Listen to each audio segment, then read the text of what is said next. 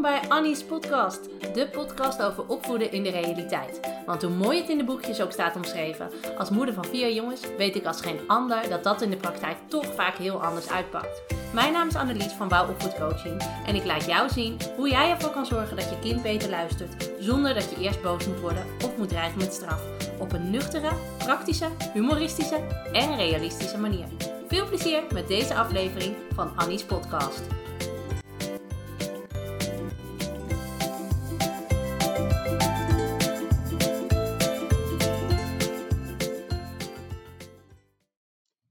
Goedemorgen. En uh, leuk dat je kijkt, of tenminste, daar kijkt nu nog niemand, maar leuk dat je straks binnenstroomt. Uh, want vandaag ga ik het hebben over opvoeden in theorie versus opvoeden in de praktijk. En ik neem deze uh, video ook op als podcast. Dus mocht je straks willen, nou ja, het willen terugluisteren, dan kan je dat ook als podcast doen. Maar vandaag wil ik het eigenlijk met je hebben over ja, hè, ehm, de boekjes, uh, hoe het allemaal zou moeten uh, in het opvoeden en hoe het daadwerkelijk in de praktijk eraan toe gaat. Want ik weet niet hoe het met jou zat, maar uh, voordat ik kinderen had, had ik best wel een beeld. Goedemorgen, Medea.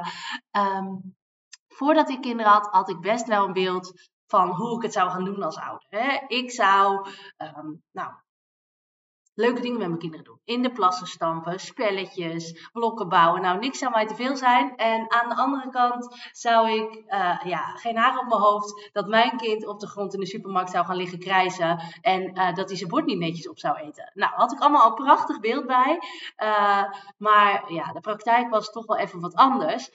En ja, weet je, ik zeg altijd, je kan eigenlijk, je weet helemaal niet hoe het is om kinderen te hebben tot het moment dat je kinderen hebt. Vorige week deelde ik ook zoiets en iemand reageerde daarop met: Ja, uh, ik was de perfecte moeder totdat ik kinderen kreeg. Nou, zo is het natuurlijk eigenlijk ook gewoon.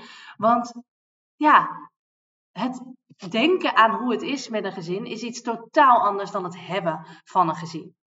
Weet je, um, ooit vroeg iemand aan mij, ja, die cursus van jou, dat zouden eigenlijk alle mensen moeten volgen voordat ze kinderen krijgen. Nou, daar ben ik het dus helemaal niet mee eens. Want uh, je, ja, je kan van alles lezen, je kan van alles volgen. En dan klinkt het allemaal prachtig en dan weet je precies hoe het zou moeten. Maar je weet niet hoe het is als je kind in een meltdown belandt omdat de beker niet roze is, maar blauw. Um, we weten niet hoe het voelt al, als je kind je bedelend in de supermarkt aan staat te kijken of je toch niet als je, alsjeblieft dat Peppa Big koekje voor hem wil kopen. Uh, en jij denkt, uh, eigenlijk niet, maar ja, je kind blijft erom vragen en uiteindelijk geef je dan toch maar toe. Enerzijds omdat je die, die uh, bedelende ogen niet kan weerstaan, anderzijds omdat je ook gewoon die scène in die supermarkt wil voorkomen. Weet je, daar, hmm, hoe dan? Um, je weet niet hoe het is als je kind niet wil eten en jij maar hem zit aan te moedigen en je jezelf uiteindelijk dingen hoort zeggen als, nou nog vijf happen, dan mag je een, uh, een ijsje. Nog drie happen dan. Nou, als je aan je broccoli likt, dan mag je een ijsje. Ja, uh, koekoek. Je had jezelf, je, weet je, je had jezelf al gek verklaard uh, dat je dat soort dingen ooit zou zeggen. Dat je, uh, uh, nou ja, ik kan legio voorbeelden uh, bedenken waarvan die nu wel eens uit je mond komen, waarvan je van tevoren had gedacht. Nou, dat ga ik echt niet doen. Ja, je doet het dus wel. En dat is heel erg logisch. En daarom, als je dat nog niet ervaren hebt, weet je gewoon niet hoe het is. Ook niet als je pedagogisch medewerker bent, ook niet als je leerkracht bent of weet ik veel wat. Want het 24/7 verantwoordelijk zijn voor kinderen, voor je eigen kinderen. Ervoor zorgen dat ze opgroeien tot fatsoenlijke mensen. Uh, dat is echt wel even andere koek. Hetzelfde als um, hè, als jij uh, uh, met kinderen werkt. Ik heb heel vaak mensen in mijn programma zitten die zeggen: Nou, ik schaam me eigenlijk dood. Want ik ben leerkracht of ik, ben, ik werk op de opvang. En ik weet heel goed hoe het moet. Maar bij mijn eigen kinderen lukt het me gewoon niet. En dat is niet zo gek, want je eigen kinderen, ten eerste heb je die verantwoording. Ten tweede, je hebt ze, uh, die verantwoording 24-7. Ik bedoel, hè, dat lastige kind op de opvang, die uh, geef je om zes uur mee aan zijn ouders. En zeg je veel plezier ermee. En als je thuis komt, uh, dat is ook het moment dat jij zelf een beetje tot rust wil komen. En het moment dat jij zelf denkt, oké, nu even niet, ik ben er even klaar mee. En dan beginnen je eigen kinderen ook nog eens. Dus, nou ja, dat is even het verschil tussen uh, de theorie en de praktijk. Ja, kijk heel even op mijn speakbriefje hoor, want ik heb dit voorbereid. Maar um, ja, ik heb toevallig twee vriendinnen die geen kinderen hebben. En eh, die zeggen wel eens, nou, dat zou ik echt niet doen. En ik zag dit bij mijn zus en ik zag dat bij die. En echt belachelijk. En dan denk ik altijd, wacht maar.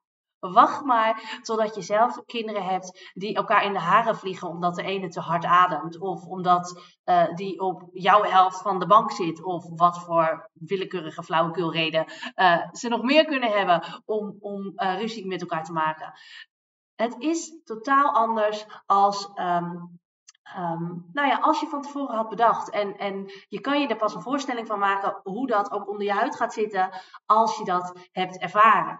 En uh, ja, weet je, dat vind ik gewoon belangrijk om, om um, te vertellen. Want de theorie en hoe het zou moeten, is in de praktijk gewoon vaak heel andere koek.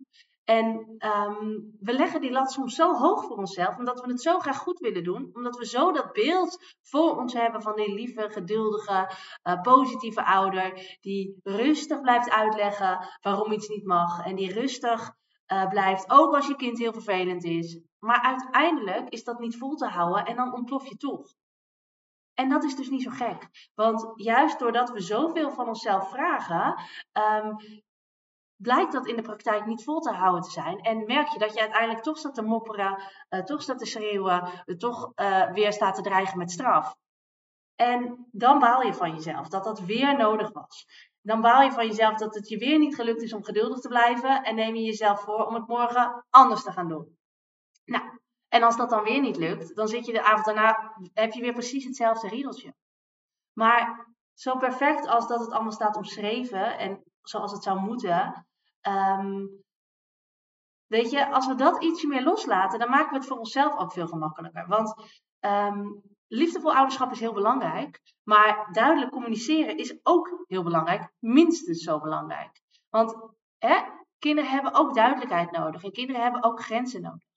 En dat kan gelukkig wel ook op een positieve manier hoor. Ik bedoel, je hoeft inderdaad niet te dreigen met straf of de hele tijd boos te worden voordat je kind meewerkt.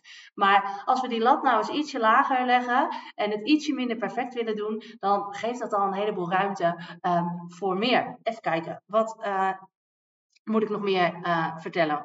Ja, want weet je, ik zie in de praktijk heel vaak gebeuren, doordat we het zo graag goed willen doen, dat we heel lang geduldig blijven. En dat we een beetje vervallen in standaard zinnetjes als ja, ik zie dat je boos bent. Of ik begrijp dat het moeilijk voor je is. Of we gaan nog voor de 433ste keer uitleggen waarom ons kind niet op de iPad mag. Nou, en uiteindelijk trek je dat niet meer en uiteindelijk ontplof je toch. En ja, dan uh, uh, is het hek van de dam. En dan denk je achteraf, ja shit, waarom um, lukt het me nou niet om dat vol te houden? En waarom krijg ik het nou niet voor elkaar om rustig te blijven en om rustig en duidelijk uit te blijven leggen waarom het niet mag? En heel eerlijk, um, ik ben een beetje klaar met dat zoetsappige gedoe. Uh, ja, zeg ik dat hardop? Ja, dat zei ik hardop. Um, maar we hoeven niet, niet onze kinderen als prinsjes en prinsesjes te behandelen en, en op onze tenen te lopen om te voorkomen dat ze toch alsjeblieft een keer niet boos zullen worden of iets niet leuk vinden. Kinderen hoeven niet alles leuk te vinden. Dat is ook opvoeden, hè? Dat, dat wij keuzes maken die kinderen niet per se leuk vinden. En dat gaat inderdaad soms gepaard met een boze bui of soms, hè. Um, maar die duidelijkheid, die hebben ze nodig. En die duidelijkheid, uh, daar vragen ze om. Ik zeg wel eens, kinderen die heel vaak de grens overgaan, die zeggen eigenlijk letterlijk, joh pap, joh mam, waar ligt jouw grens eigenlijk? Dus ja, dat, grenzen geven ook houvast en grenzen geven ook uh, richting. En dat hebben kinderen echt nodig. En dat kan je ook doen op die liefdevolle en positieve manier. En ik denk dat dat heel belangrijk is. Want je kan ervoor zorgen dat je kind naar je luistert terwijl jij rustig blijft.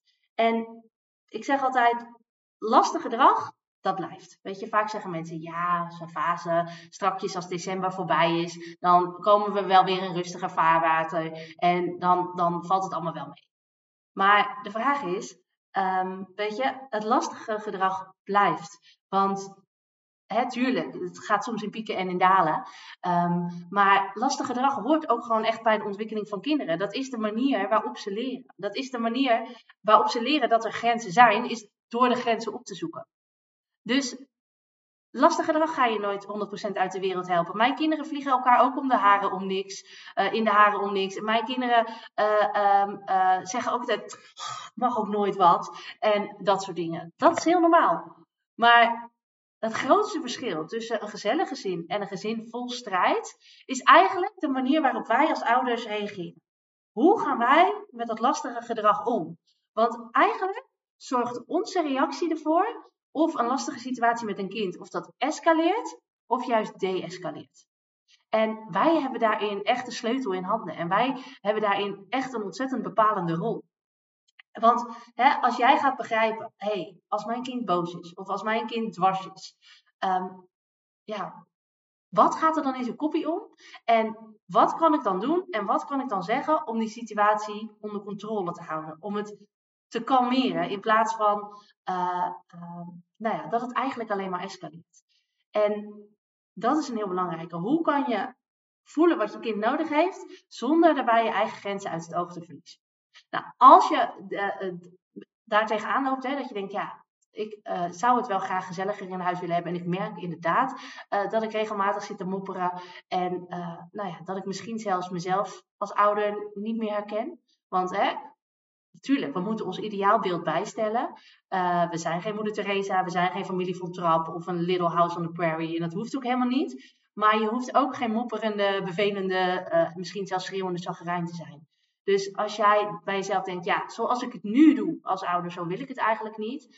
Um, dan let dan even op, want ik heb een hele toffe kerstactie. En dat is mijn online programma Een kind dat luistert terwijl jij rustig blijft. En daarin leer ik je eigenlijk realistisch opvoeden. En kan je daar zelf mee aan de slag. En normaal gesproken leer ik dat alleen mijn deelnemers in het uh, begeleidingsprogramma realistisch opvoeden. Maar ik heb nu iets ontwikkeld zodat je er zelf mee aan de slag kan.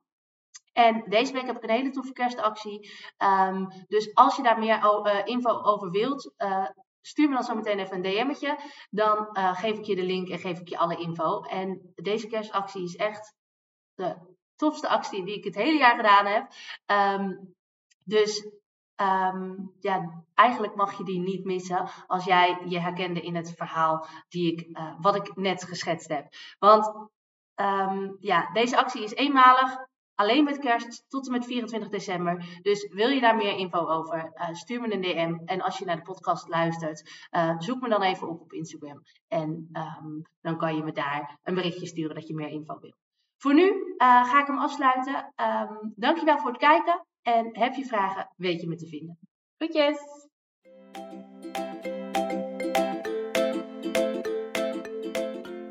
Leuk dat je deze podcast hebt beluisterd. Kan je nou niet wachten tot de volgende aflevering van Annie's podcast? Ga dan naar Instagram, zoek me op via wouwlaagstreepje-opvoedcoaching, want daar deel ik iedere dag toffe en inspirerende tips met je. Om er zo voor te zorgen dat het opvoeden van je kind leuker en makkelijker wordt. Wil je nou nog meer weten? Kijk dan ook even op www.wouwopvoedcoaching.nl slash gratis. Dan kun je je aanmelden voor mijn gratis e-book met 20 tips om ervoor te zorgen dat je kind beter gaat luisteren. Of je kunt je alvast aanmelden voor het webinar Stop met politieagentje spelen. Allebei gratis, dus je hebt eigenlijk geen enkele reden uh, om het niet te doen. Ik zie je volgende keer bij een nieuwe aflevering van Annie's podcast.